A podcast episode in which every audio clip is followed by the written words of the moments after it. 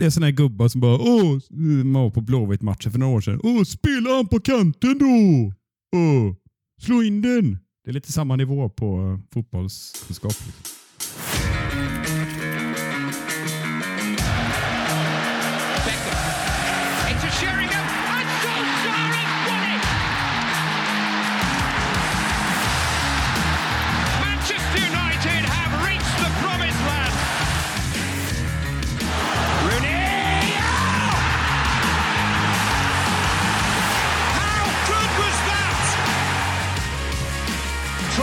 Seconds to play. Scholes! Unbelievable! Unbelievable! Paul Scholes has stolen it for Manchester United towards Rashford! There's nothing Old Trafford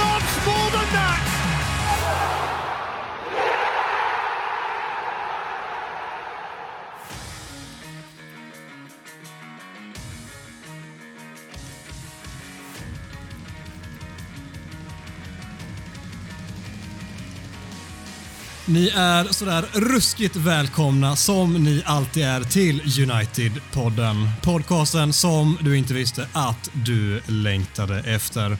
United-podden görs i ett stolt samarbete med både den officiella supporterklubben MUS och United-redaktionen på Svenska fans.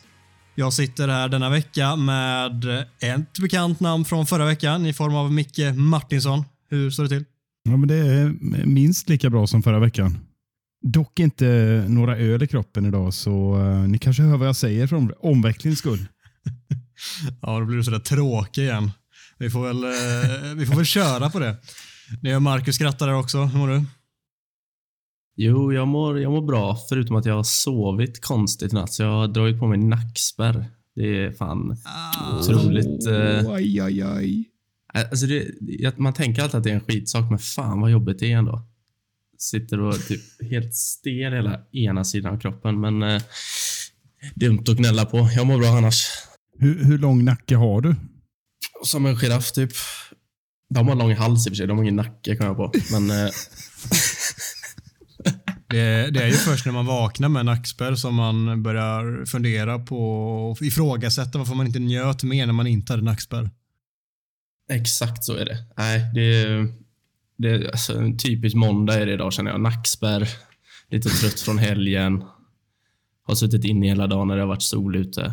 Nej, det är, men det är kul ändå att leva. Ja. Marcus, du eh, levererade på planen senast. Eh, fick jag se first hand. Så var det, men det var väl ingen som blev överraskad över det, tänker jag. Så som jag snackade ner dig förra veckan så låter det som en chock detta för alla. Jag tänkte säga det. Jag satt och lyssnade här och hörde jämförelsen med Dalot och bara, vad säger han? Nu snackar han skit av den här. Jämför mig med Diogo Dalot när vi har suttit och kastat skit på hans högerfot. Men eh, ja, då motbevisar jag dig direkt. Det var ju härligt. Ja, gjorde du faktiskt. Klev in och gör två mål. Kan du tro dina öron, Micke? Nej, men det är, jag är fortfarande, vill fortfarande se motståndet innan jag kan välja att imponeras. Men med det sagt så gissar jag att du mötte ett gäng osnabba eh, Robertsons. ja, ja, de var inte... Det var väl inte det vassaste motståndet, men, eh, men mål ska göras och mål gjordes. Så, så det tar det. vi med oss. Så är det. Det ska du ha. Micke, har det något kul i ditt liv det senaste? jag har kollat en del på naturprogram och eh, till skillnad från Mackan så är jag är rätt, rätt hyfsat vass i alla fall på, på eh, anatom, anatomin där för djuren. För Jag funder, sitter och funderar fortfarande på om, om giraffer inte har nackar. Googla, säger jag. Men eh, det känns tveksamt att de kan leva utan nacken då. Ja, det måste man väl ha. Det är vitalt, tänker jag. En nacke. Hur ska man annars, eh, hur ska man annars se vad som händer bakom en när man är ett djur på savannen? Typ en valross, har den en nacke? Det kanske den har. Var väldigt ihopväxt med kroppen. Nu, nu är det flummigt. Ja. Ja, det är viktiga ämnen vi tar här.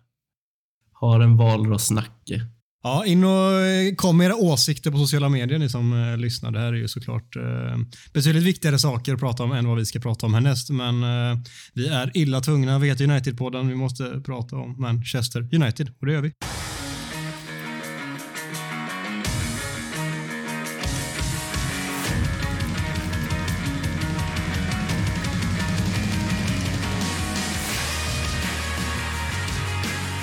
Succésegmentet Talk of the Town är tillbaka, trot eller ej. Vi har återigen fem påståenden med aktuella ämnen som vi helt enkelt diskuterar huruvida det är sant eller inte. Veckans första lyder. Det här är den svåraste tiden i våra liv som United-supportrar. Muntert att eh, börja i den här änden, men vi kanske kan hitta en väg till ljuset även den här veckan. Vad tror du, Micke? Ja, nej, men som den ändå äldste i podden här så eh, vill jag ändå påstå att jag har en hel del att gräva i här när det gäller tuffa tider. Men eh, för det mesta var ju de första, ja, vad fan ska vi säga, 20 åren rätt positiva. så eh, jag hittar ingenting mer än någon enstaka match att jämföra med här. Men jag minns ju naturligtvis, och det gör ju ni också, så vi kör lite nutid så alla hänger med istället. Det är bara Gustav som gillar att dra de här referenserna från 90-talet som han har googlat fram.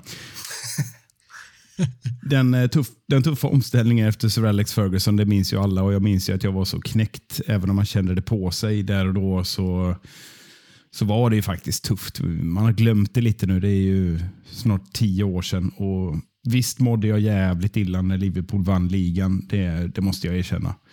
Men den här våren är ju fan i mig värre alltså. Då har ju allting, eh, i stort sett allting gått åt helvete och ett symptom på detta då bara för att försöka ko koka ner det här till någonting, eh, till en situation.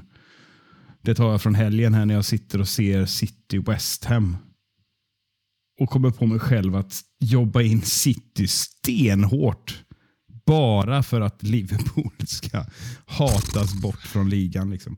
Så efteråt mådde jag ju riktigt dåligt när jag insåg att jag hade suttit och hållit stenhårt på vidriga City. Men det säger väl egentligen allt om hur man mår just nu. Ja, jag tror att vi alla tyvärr har suttit och småhållit på eh, City emellanåt och då har man ju extremt svårt att se sig själv i spegeln efteråt. Men det, det har varit så ganska länge nu också. Jag kommer ihåg jag var på, jag var på sista Premier League-matchen 2019 eh, när United mötte Cardiff hemma. Mer behöver inte sägas om den matchen. Men då var det också så att Liverpool eller City skulle vinna ligan. Eh, och Det avgjordes i sista omgången och det blev ganska snabbt klart att det var City som skulle ta det. Och Det största jublet på Old Trafford den dagen var när eh, det annonserades att City ledde och Liverpool kryssade. Det säger fan allt om hur pass lågt vi har sjunkit sen, eh, sen Fergusons dagar. Men eh, det, man gör ju det. liksom. Man sitter ju och håller på City, men samtidigt bara, vad håller jag på med? Hur, hur har det blivit så här? Hur, hur kan vi sitta här och, och kämpa in att City ska vända ett 2-0 underläge mot West Ham? Det är ju, det är ju ruskigt deppigt. Är det. Men eh, så är det. Mm. Men, ja, visst, man sitter och kräks lite i munnen på sig själv. Men eh, Mackan, tycker du att detta är den svåraste tiden i ditt liv som United-supporter just nu? Ja, ja ganska överlägset. Jag, jag, har typ tappat, jag har typ tappat min kärlek till den europeiska fotbollen. Jag, jag kollar liksom inte på jag kollar liksom inte på fotboll förutom allsvenskan just nu. Och United-matcher. Och eh, Det är nästan att man börjar överväga att sluta med det också. Typ. Men ja. Eh, ja, Nej, det är garanterat lägsta punkten. Nej, jag är helt enig. Det är det ultimata beviset. Eh, där är jag verkligen, verkligen som dig just nu. Att det är Uniteds eh, svaga prestationer, att det är eh, hatlag som går så bra samtidigt de, alltså den kombinationen gör ju att det finns noll vilja och lust eh, alldeles för ofta att titta på europeisk fotboll för det bara påminner en och man blir så jävla frustrerad och irriterad och, och depp av det. Så eh, jag har varit mycket som du dels för att jag kanske har jobbat mycket med Allsvenskan också, då blir det extra liksom, viktigt och intressant att titta på Allsvenskan. Men jag har ju liksom mycket mer än på extremt länge tittat mer åt det hållet än vad jag eh, kan men typ ens minnas. Och Det är ju det ultimata beviset som jag var inne på. att uh, jag, jag får så dåligt och lite intresse i, i den engelska fotbollen och europeiska fotbollen i stort uh, på grund av att United är så jävla dåliga och uh, som jag sa att rivalerna är så väldigt, väldigt, väldigt mycket bättre. Jag, eh, för några år sedan, eh, ja, det är väl ett bra tag sedan, så klippte jag av La Liga och, och Serie A för att jag, jag tycker inte det är kul att kolla på det. Så, men engelsk fotboll har jag följt hårt, till och med lite Championship och sådär. Men, men, och Champions League såklart, såklart. Och United när de befinner sig i Europa League. Men, ja, jag är lite inne på samma resa, men, men samtidigt så ja, jag gillar jag verkligen Premier League. Så att jag, jag konsumerar ju egentligen så mycket jag bara kan. Eh, och har faktiskt fortsatt göra det. försöker hitta andra vinklar och som neutral åskådare. Då. Om nu inte City ska jobba sin eh, mot Liverpool, höll jag på att säga. Nej, men jag försöker ändå hänga med för att jag tycker det, ja, jag, jag, tycker det är kul helt enkelt. Men eh, jag förstår er helt och hållet. Det är inte lätt att hålla upp motivationen. Det är så jag alltid har gjort tidigare. Hitta nya vinklar, nya sätt som gör att man ändå håller upp intresset att titta på även andra lag och andra Premier League-matcher generellt. Eh, men på något sätt, så här, som Mackan sa tidigare, botten är nådd här. Jag vet inte riktigt eh, eh om det kan bli så mycket lägre än så här. Och Därför känns det väldigt kittlande att vi nu har ändå någonting intressant på gång. Eh, det har många lag sagt tidigare, det har vi sagt tidigare, men jag tycker fortfarande att det är intressant och eh, jag kan bara inte vänta på att den här säsongen ska ta slut mer än vad jag gör just nu och att vi ska få någonting annat och helt andra ingångsvärden än vad vi har just nu. För nu har det bara varit riktigt, riktigt pisstråkigt under eh, egentligen flera månaders tid. Jag, jag skulle säga att eh, sen Ten Hag presenterades så har jag ändå vänt lite och, har lite mer, eh, vad ska man säga, ah, eh, pragmatisk inställning till Uniteds matcher. Försöker liksom mer börja titta på vilka är det som vill vara kvar och vad finns det egentligen att bygga på. Så att jag hade min mörkaste period egentligen eh, ja, när eh, senaste Liverpool-matchen. Då, då kändes det som att eh, det kan inte bli så mycket värre och så får man börja se det framåt. Liksom. Grejen är att man har tänkt sådär så många gånger att det kan inte bli värre och sen kommer 4-0 mot Brighton i prutten. Liksom. Vad, vad, vad går man därifrån? Jag, jag var bara glad att jag slapp att sitta och diskutera den matchen senast, men den sitter ju kvar i minnet ändå. Så här typ tio dagar efter det hänt. Eh, så jag vet inte, jag vågar, jag, vågar riktigt, jag vågar nästan aldrig säga det att fan nu kan det inte bli värre. För United har överraskat förr och kommer förmodligen göra det igen. Äh, jag säger det. The only way is up. Erik Ten Hag skippade semester. Det kan bli avgörande för utfallet redan nästa säsong.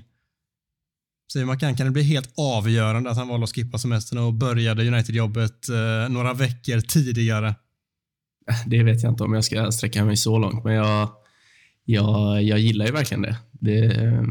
Det var som Micke har sagt någon gång i podden, att han hoppar ju över en jäkligt låg ribba här till en början, men vilket skutt han tar över nu alltså. Han bara flyger över. Mm. Det, är, det är världsrekordhöjd på Erik. Ribban ligger på 0,2 meter och han hoppar 2,10. Liksom. han är 3,10 över. Alltså. Han bara slår det med flera meter, höll jag på att säga. Nej, men, eh, Saxar han över, eller? Det känns som, han känns som en saxare ändå, Erik. Känns lite så... Lite god på det sättet. Nej, men... Eh, Rakryggat äh, saxar han över den ribban. Nej, kör på Mackan. Nej, men han, eh, det känns verkligen som att han gör allt, allt rätt än så länge. Eh, och eh, sättet han pratar på i intervjuer här och att han faktiskt skippar semestern till Curacao. Heter det så? Curacao. Curacao, ja. Ber om ursäkt. Eh, men eh, det säger väl någonting om någonting ändå, tycker jag. Att han, eh, att han tar det på största allvar och har väl insett att det är jäkligt stora problem som behöver åtgärdas och saker som behöver fixas och det är ganska omgående. Så det är väl, det är väl härligt och helt rätt tycker jag. Men att det skulle bli helt avgörande vet jag inte. Det krävs nog lite mer arbete för det. Men det kan ändå ha viss påverkan. Ja, ja, absolut. Absolut. Det, det tror jag. Det, det är väl bara positivt att han vill sätta igång direkt. Liksom. Vilken påverkan tror du att det kan ha, Micke, att han faktiskt börjar några veckor tidigare? Tanken är att han skulle börja jobba efter Premier League-säsongen var slut så, och ja, någon vecka efter det. Så det, han kanske börjar två, tre veckor tidigare, typ. Alltså, såklart, det är ju, jag behöver inte ens kommentera det, det är få som verkar göra det, men det är ganska logiskt att han, eh, att han lämnar ifrån sig Ajax-rodret nu med tanke på att det ska komma in en ny där, eh, som inte vet vem förresten. Vet ni? Klubb Brygges, va? Ja, jag vet inte vad han heter, men han ser typ... Nej, han ser inte likadan ut, men han är ju flintskalle han också. Det är väl deras femte tränare idag som är flintskalle tror jag. Alltså, det får, nu får du... Du kan inte säga att han ser likadan ut. Han ser fan ut som ett vrak i jämförelse Ja, med jag ändrade alltså. ju mig eller? Ja. Körde Han är sån, flintskallig. Den gode de drar alla sån? över en kam. sån vittneskonfrontation? Bara skicka in 12 likadana. Vi tar nummer sju där. Det är bra. Nej, men, jag, nej, men det är, jag tror det är typ fjärde eller femte i rad eh, som de har som är bald, som de säger i England. Och det, det har ju ändå någonting. Men eh, kör vidare, herregud vad vad jag är inne och svamlar om. Ja, men det är ändå kul. Det var, det var läge att, att gå igenom det. Har vi rätt ut det också? Nej, men, eh, så att, eh, men jag kan inte låta bli, även om det känns givet som sagt och inte särskilt överraskande etc. Jag måste hylla den här inställningen. Och jag privilegierade människor som åker till Curacao och av, avstår en sån resa. Det är ju fint i sig, men jag tycker det andas handlingskraft, beslutsamhet. Eh, ja, jag gillar det direkt. Liksom. Det, det är verkligen sax över 3 och 10 feeling över det beslutet. Och Med tanke på läget och att Raffe ska, vad han ska jobba tre sekunder i månaden eller vad vi kom fram till. Så är det Ja. ett utmärkt tillfälle att få till en överlämning. och men också att ge ett, liksom ett signalvärde mot truppen. Här är jag. Jag menar allvar. Nu kavlar jag upp ärmarna och kör. Liksom. Jag, jag tycker det är riktigt trevliga signaler för, av det här beslutet. Vet du vad jag har tänkt på eh, ganska mycket som är lite roligt men också kanske lite oroväckande? Det är ju det här eh, överlämningssamtalet som Ragnik eh, ska ha med Tenag då, där, när, han, där han ska skicka vidare sina tankar om spelarna. Han kommer ju bara slänga alla under bussen. Alltså bara, nej, de är sämst. De kan fan ingenting, de här jävla nötterna. Så det, jag vet inte vad Ten Hag får med sig av det. Det, det, alltså, det kan ju på riktigt vara att hans åsikt kring spelarna, Ragniks åsikt kring spelarna är lite färgad av hur pass dåligt de har presterat den senaste månaden. Så eh, jag undrar bara vad, vad tror ni han säger liksom? Nej, skick, skicka ut tomtarna liksom. Ta in nytt bara. Det är väl klassisk överlämning eh, av personal. Herregud, även om det spelar ingen roll vad han säger egentligen. Det måste ju vara upp till Ten Hag om det är, om det är spelare som har kontrakt och man skulle liksom vilja rensa ut. eh, Så är det ju. Men uppenbarligen, vilket vi diskuterade långt men länge här förra avsnittet, eh, så är det ju en del i uppdraget för Raffe att verkligen göra en ordentlig genomlysning. Det, det hade väl gjorts även om Pochettino eller någon annan hade kommit in. Men, men därifrån till att, eh, att han kastar alla under bussen och Ten Hag liksom bara tar det tolkar det bokstavligen, det, det vet fan va? Nej, det kommer han ju såklart. Han har ju en egen bild av spelarna också såklart, men jag tänker bara att vilka, vilka spelare kan Ragnik ha en positiv bild av? Jag kan, alltså, det är ju max fem liksom. Det är ju inte fler. Ja, det är fem och fan en stretch. Tre kanske. Ja, exakt. Elanga, de Gia och Ronaldo. men Resten typ. är fan med skit. Ja. Det har väl något Han det nummer fem där är ändå lovande. Ja. Jag, glö- jag glömde Sancho också. Det- Han måste ju han ha en Ja. positiv take på det. Såklart. Jag hade chockat mig annars. Ja, han är bäst i världen. Det har vi slagit fast redan. Nej, men jag, så här, det är klart att det inte kommer vara avgörande, men jag tror att det kommer ha en stor påverkan. Dels signalvärdet som Micke är inne på och eh, Eh, att han redan får börja nysta i truppen redan nu. Han är inne och påverkar hur försäsongen ska se ut, rapporteras det. Han är inne tidigt och kan sätta ihop sin tränarstab fullständigt. Han eh, är redan där och Eh, ha sina åsikter kring truppen, vilka som möjligen ska erbjudas nytt kontrakt, vilka som eh, bör säljas eh, och vilka som kan tänkas komma in utifrån.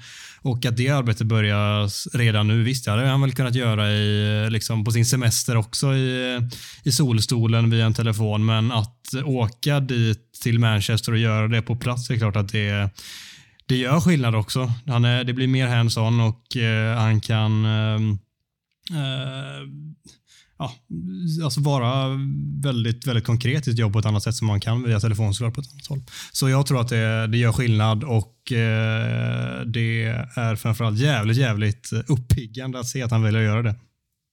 Och jag drar till med att det är helt avgörande. Vänta får ni se. Hur fan vet vi om det är sant då?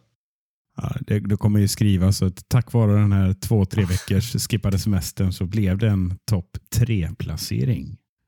När fasansfulla Daily Mail skriver då tar Micke det som en sanning. Ja. Om Frenkie de Jong värvas är mittfältsdiamanten komplett och vi behöver inte värva några fler mittfältare i sommar. Micke, var det du som eh, tog in den eller? Nej, det här är typiskt Gustav Kulle påstående. Vadå, vad menar du med diamant? Det är inte så att han kommer spela med en diamant mittfält eller? Ja, Det är så mycket okunskap och ja, det andas Gustav. Brutalt svagt, men vi får väl ta oss an det här ändå, eller vad säger ni? Ja, vi, vi, vi ändrar mittfältsdiamanten till bara att mittfältet är komplett, tänker jag. För det går inte att prata om diamant när eh, Ten Hag inte kommer spela någon jävla diamant. Nej, och jag tänker så här, alltså oavsett diamant eller eh, rak eh, som man gör nu i Ajax eh, 4-3-1-2-varianten eh, så jag är lite tveksam till om det verkligen räcker. Jag vill ju som sagt ha in en eh, Phillips från Leeds eller ja, allra helst Declan Rice. Det blir väl inte så, men eh, ja, alltså jag har inte sett som sagt La Liga så jättemycket, men någon enstaka match har jag sett med de Jong och jag vet inte fan. Han har ju Busquets där bakom sig eh, och jag tänker väl att eh, han är väl inte riktigt den spelaren. Det har inte jag, i alla fall jag sett riktigt än, men eh, han är absolut en bra spelare. Men jag vill ha in en eh, sexa. Då blir jag nöjd. Mm, ja, alltså Frenkie de Jong, om han skulle komma, vilket är ett stort om fortfarande, men om han skulle göra det så är det fortfarande inte en ensam sittande sexa vi pratar om här, utan han ska ju spela framför i så fall. Det är ju snarare kanske en på sätt och vis ersättare till Paul Pogba i truppen och att vi fortfarande behöver få in en sexa. Det behövde vi redan innan Matic eh, skulle lämna och nu ska han lämna. Det är klart att vi behöver ha in en mittfältare på den positionen också. Jag tycker inte att den skulle bli komplett med de Jong, men det skulle vara en sjujävla värvning som skulle komma in och bidra med saker mot mittfält som vi saknar nästan helt och hållet i hans eh, spelskicklighet, hans passningsfot, eh, hans tempo med bollen. Alltså, han är snudd på komplett. Möjligen att defensiven kan slipas på, men eh, i offensiv riktning så är han ju fullständigt fenomenal i stunder. Kan ibland försvinna ur matcherna, men sina toppar är ju otroliga. En spelare som Ten Hag kan, som där båda kan varandra. Det är klart att det skulle ge en snabbare startsträcka också att få in den typen av spelare, men det vi, nej, komplett blir det ju absolut inte. Kom igen Mackan, kliv in. Alltså det, det, kan ju inte finnas någon i hela världen som uh, tycker att detta påståendet stämmer, tänker jag. Man Uniteds mittfält behöver ju en sån jäkla facelift att det knappt går att förklara. Så att säga att en spelare skulle förändra på det, det, det är ju dumt och felaktigt. Ja, för även om Garner finns där, även om Hannibal finns där, även om eh, Gustavs Andreas Pereira finns där så är det ju fortfarande ingen av dem som kliver in och kan spela ensam sexa i ett eh, Manchester United i dagsläget. Så det eh, behövs förstärkas även där. Gustav, Gustav slänger in det här påståendet för att han så gärna vill se Pereira i startelvan här. Eh, med tanke på sitt bett. Det är därför han skickar in denna. Så han hade säkert varit supernöjd om det bara blir de Jong in. Jag hade, jag hade inte varit supermissnöjd med att säga att det är komplett eh, med bara en värvning och det blir Frenkie. Det, det står jag inte bakom. Det är bra. Här sätter du ner foten, Mackan. Jag slänger in en liten eh, gubbe här som man kanske kan pilla in tillsammans med Frenkie på ett mittfält. Då. Håller i hatten. Ja. Alltså som jag tror faktiskt hade gått lite under radarn. Det har snackats lite om honom finns en del klubbar som är intresserade, men ska vi inte bara signa Boubacar Kamara på Bosman från Marseille? Det är ändå en sån värvning som verkligen är värd chansningen. Absolut, och det har ju många spekulerat i, men eh, senast idag så läste jag spansk media. Eh, flera stycken menar att han är så gott som klar för Atletico Madrid, vilket är tråkigt, men vi, borde ju vara där och hugga. Det kan man tycka om vi ska mm, spara pengar till andra positioner. Det finns ju en hel del luckor att fylla i det här bygget. Hur många Kamara finns det? 3000 eller? Ja, men i snitt tre per lag eller? Ja. Jag, jag tänker, eller så går vi bara in på Mickes favorit från eh, Leipzig. Hade Raja. Hadirai. Ja. Fred 2.0. Avslutat säsongen Mäktigt. starkt. Ja. ja. Det finns eh, såklart flera alternativ, men någon till måste in på det mittfältet eh, i eh, form av en defensiv mittfältare för att det ska vara komplett. Om Victor Lindelöf vill ha speltid gör han bäst i att söka sig bort från klubben. Och när vi säger speltid så menar vi såklart eh, mer än två minuter här och var, utan OK mycket speltid kan vi väl beskriva det som då. Eh, någon match här och var åtminstone. Tror vi att han kan få eh, agera tredje val och få spela en del eller är det bättre att han söker sig härifrån för att få spela mer? Vad tror du Micke?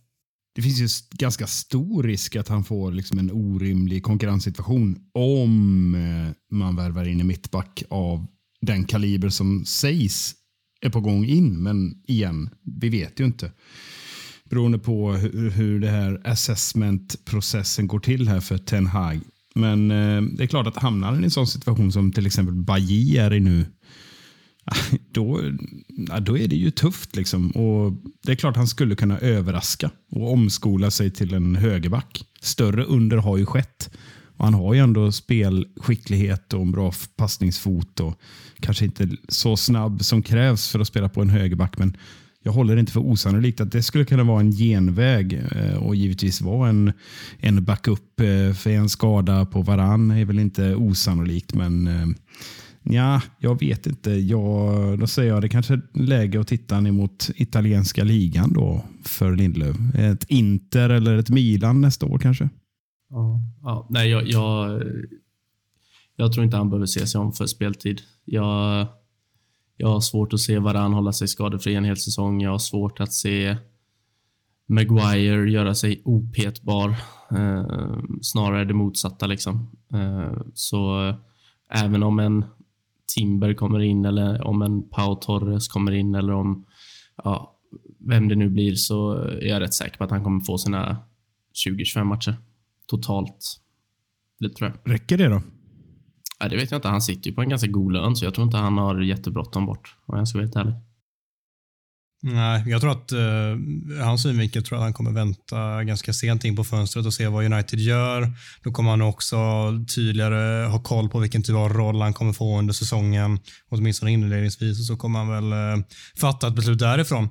Men uh, jag tror att eh, vill man att han ska spela 20-25 matcher från start så tror jag att det blir svårt. Det tror jag inte att han kommer få. Och om det är det, den måttstocken vi har på att han ska spela så pass många matcher, då är det nog bättre att titta sig omkring. För jag tror att det kommer vara något för många spelare som kommer vara före honom. Sen är det klart att så här, två skador, vi ser att Varann visar han skadade sig på försäsongen, är borta fyra månader och så någon annan som har lite halvkänningar. Då är det klart att det blir en helt annan historia. Men om vi förutsätter att de spelarna vi har kommer hålla sig friska och att vi värvar in en mittback, vilket det mesta tyder på, så har jag svårt att se att det blir 20-25 matcher för honom och då är det lika bra för hans egen skull att flytta på sig. Men Grejen grej med Lindelöf är ju hans, en av hans styrkor är ju att han typ alltid är tillgänglig. Och det går ju inte att säga som någon av de andra mittbackarna. Så han, han kommer ju aldrig kunna hamna i en situation likt Erik Bailly. Det finns ju inte liksom. Maguire slog väl typ rekord i att spela x antal matcher i rad eller? Jo, det är sant. Ma- Maguire räknar jag inte med för jag har typ förträngt att han spelar i Manchester United.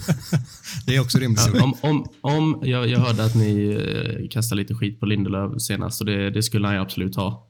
Men eh, om inte Harry Maguire höjer sig med 95 procent nästa säsong, då ska ju inte han gå före en kona i Manchester Uniteds eh, försvarsuppsättning. Så eh, nej, jag, jag ju svårt att se, jag ju svårt att se Ten Hag komma in och bara oh, Harry Maguire, han ska, han ska finnas i min eh, backlinje. Det, jag tror verkligen inte det.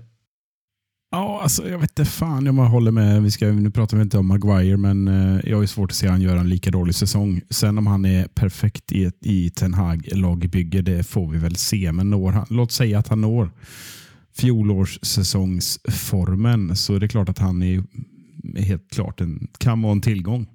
Kanske inte alla matcher, men, men om vi tittar på Lindelöf igen då, som jag ändå vill fastna lite vid, ser vi ur ett Lindelöfskt svenskt perspektiv och det svenska landslaget, om vi, ska, om vi nu ska göra det, så är det ju en liten risk här att han eh, kan fastna på bänken och få en liten setback i sin karriär som, ja, som blir ett orosmoln för både honom själv såklart, men också landslaget. Så att jag är lite inne på Adams spår där att verkligen eh, skanna av läget i mitten på juli, slutet på juli och känna av hur det ser ut. Eh, ja, för det, jag vet inte hur man pratar internt om att nu ska vi värva ett par mittbackar här.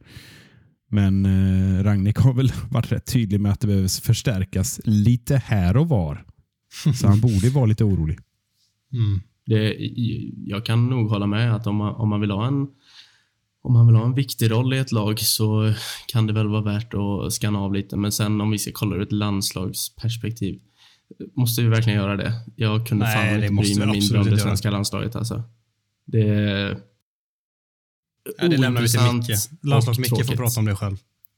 ja, okay. Det kan du få sitta och oroa dig över, Micke. Jag skiter fullständigt fan i det. det är inte ofta vi har eh, två svenskar i ett United. Man kan försöka låtsas att man eh, bevakar det i alla fall. Ja. Eller, ja. Det är Nations League nu i juni så jag. Fan, jag har aldrig varit mer otaggad på en fotbollsmatch och då håller jag ändå på Manchester United 2022. Jag tror det säger det mesta om det svenska landslaget. Då släpper vi det. Ja. Går vi vidare därifrån.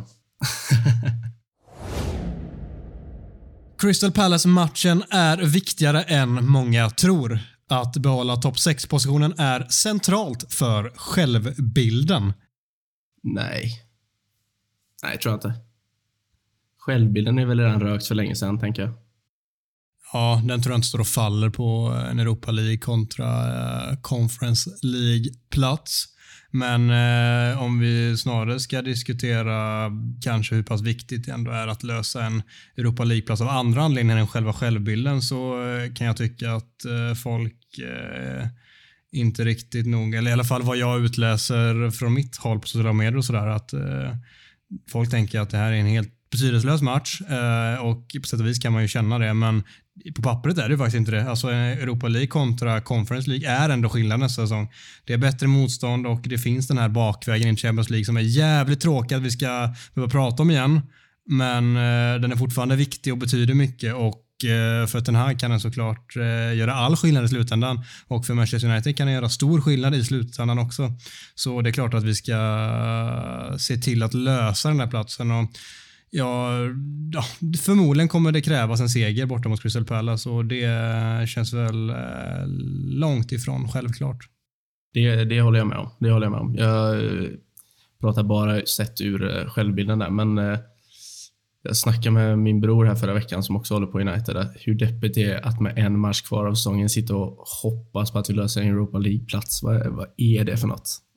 Alltså jag, delvis med tanke på att det såg ut som att vi skulle gå in eh, i den sista matchen och inte ens ha, ha det alltså, i våra egna händer. Utan West, när West Ham ledde igår så tänkte jag, fan det blir Conference League nästa år. Hur, hur sjukt är det? Så, samtidigt tänkte man bara, kom igen nu City, fan vänd och vinn det här, för vi vill inte att Liverpool ska vinna ligan, men vi vill heller inte spela Conference League. Alltså det, det är så dåligt. Eh, men det är som du säger, Europa League, alltså första säsongen för Tenag kan bli svår som det är. Eh, men kan ju bli likt Mourinho och göra det riktigt bra i Europa League och lösa en Champions League-plats på det istället för att göra det riktigt bra i Conference League och lösa en Europa League-plats. Det är ju det är ändå olika nivåer liksom. Så det är klart det är viktigt. Ja, fan, jag, jag ser det på två olika sätt här. Ni verkar inte haka på det i mitt påstående som ni alla hör såklart om ni inte trodde det. Vi har inte fått det här från Twitter och inte ens från Gustav, utan det är jag som har levererat in det här. För jag vill dra igång en liten identitetsdebatt här, eller självbildsdebatt. Om vi börjar med Europa League så håller jag med Adam 100 procent. Eh, det är ju faktiskt så att det finns en Champions League-biljett där någonstans långt borta och eh, vi får in en tränare som bevisligen varit skicklig i kuppspel. Eh, och Det kan vi behöva. Det var ett tag sedan vi hade en. så att det, det, är bara självklart ur den aspekten att gå för seger, avsluta snyggt naturligtvis. Visa att eh, Brighton-insatsen var ja, något annat än vardag. Eh, det är bara ena delen. Fixa Europa League, punkt slut. Sen den här andra delen, det här Big Six, kanske bara är Kanske bara i Sverige det begreppet finns kvar. Det är väl Big Two snarare, får döpas om det. Men, eh, men, men eh, jag tycker det är stor skillnad att hamna sexa och, och, eh, eller hamna sjua. Liksom att trötta West Ham ska liksom gneta sig förbi oss. Nu gör ju de liksom kanske inte en maxprestation, men de gör en riktigt bra säsong. Och Tottenham gör en riktigt bra säsong eh, och Arsenal gör en fantastisk säsong och vi är total katastrof och ändå är vi inte jättemånga poäng bakom nyss nämnda. Så, eh, men jag tänker ändå att det, det skulle kännas för, mi, för mitt perspektiv för jävligt om vi hamnar i sjua. Det är bara så extremt pinsamt att möta, vad fan möter man ens i Conference League? Borås, eh, Borås Arena blir det och så blir det Borde Glimt och... Äh, fy fan. Borås AIK och gängen. Det är väl de som lirar där någonstans. de är tillbaka nu Borås AIK. Det är ni. Nej, men eh, du menar att det står och hänger på om vi blir sjua eller sexa där för självbildens skull? Att det gör en så stor skillnad? Jag tycker ändå det, för det finns någonting i att vi fortfarande är liksom med i Europa League. Vi är fortfarande den, eh, bland de sex eh, stora klubbarna. Alltså Det finns ändå något symboliskt i det som jag inte kan låta bli att tycka är viktigt. Sen kan man man kan absolut gå in som halva Twitter gör och bara spela alla ungdomar och skit i allt i omgång 23 och framåt. kan man göra. Men eh, jag tycker Fan vad du hatar det där. Det är gött. Jävlar vad alltså. du har hakat upp det för det. Det är så fint. Ja. Jag gillar det mycket. Jag känner igen mig mycket i sådana där. Det är såna här gubbar som bara åh, man var på Blåvitt-matchen för några år sedan. Åh, spela han på kanten då! Åh, slå in den! Det är lite samma nivå på uh, fotbollskunskap. Liksom. Eller som skriker skjut hela tiden i alla lägen. Skrek du det på Mackan här nu, eh, Korpe?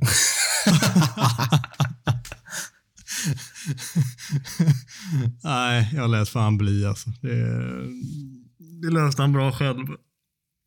Jag, jag skrek det på Adam en gång under första korpenmatchen, men han var så trött i benen att han inte orkade skjuta. Det är... Det är en sanning. Det var för tuff uppvärmning där. Han sprang två mil med jeans över eh, Kviberg. Det är också väldigt sant. Det, den tog fan kål på mig alltså. Det, ja, det var otroligt faktiskt. Det är på Kviberg plan 16 som finalen av Conference League spelas tror jag. Ja, det är det va? Mot Borås AIK. Ja. Så det, är- det är ju positivt. Ja. Då kan man ju Ja. knalla dit och kolla när United lirar final nästa år. Hur kan du mena att det spelar någon roll för självbilden Micke? Jag fattar inte. Ja, de tog väl tre åskådare, sa du det? Var max, det var fullsatt? Ja, det var fullsatt. Ja, men det är viktigt. Mycket viktigt att jobba bort Borås AIK borta på Kviberg. Ja, jag tycker fan vi stannar där. Det är ett eh, superavslut på den här diskussionen.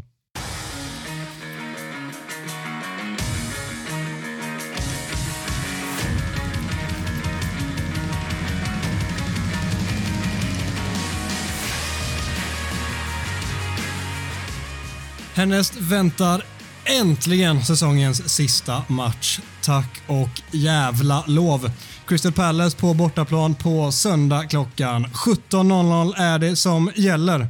Vad har vi att vänta oss för motstånd här Micke? Ja, kul att jag fick eh, inleda här med motståndarkollen, men eh, vi spelar ju alltså in, värt att nämna här då, eh, det är, vi har måndag.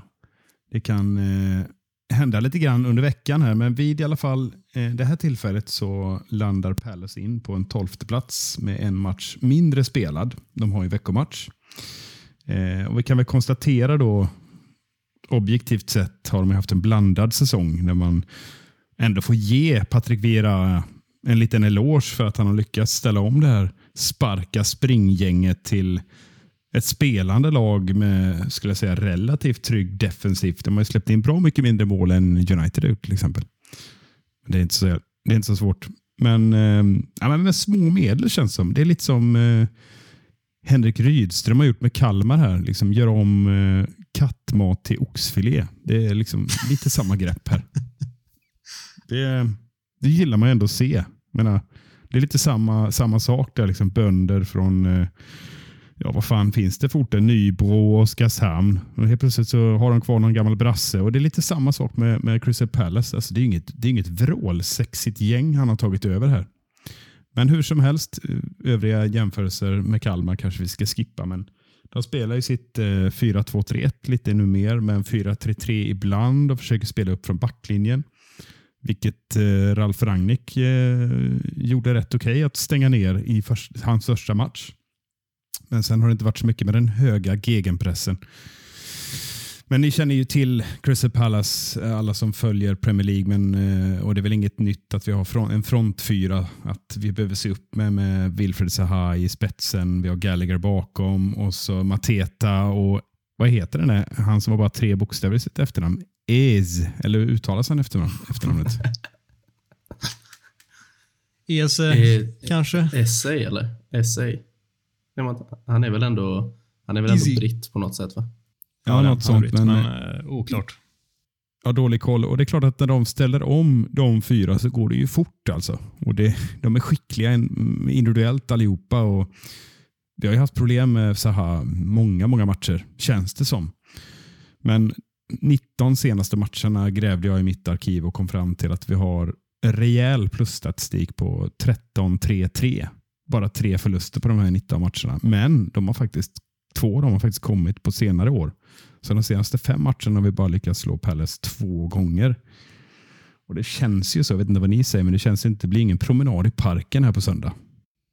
Nej, jag ser framför mig att eh, Palace kommer ha bollen mer än oss. Det är såklart, vi kan ju knappt slå tre passningar i rad utan att missrikta någon och bli av med den. Eh, det är de betydligt mycket bättre än oss på. Och Sen så ser jag att det kan bli rätt tufft för våra ytterbackar med eh, Ese och eh, Zaha på varsin kant här såklart. Det, det blir något att bita i även i sista matchen och med ett stukat och omotiverat United så som det har spelat det senaste så kan det bli en obaglig historia vi får bara hoppas att de har tagit ett, ett förnuft till fånga och gaskat upp sig aningen för att ändå avsluta snyggt och att vi kan på något sätt uh, stänga ner dem som vi gjorde på hemmaplan och uh, möjligen kontra inom boll istället. Det är ju där vi är just nu.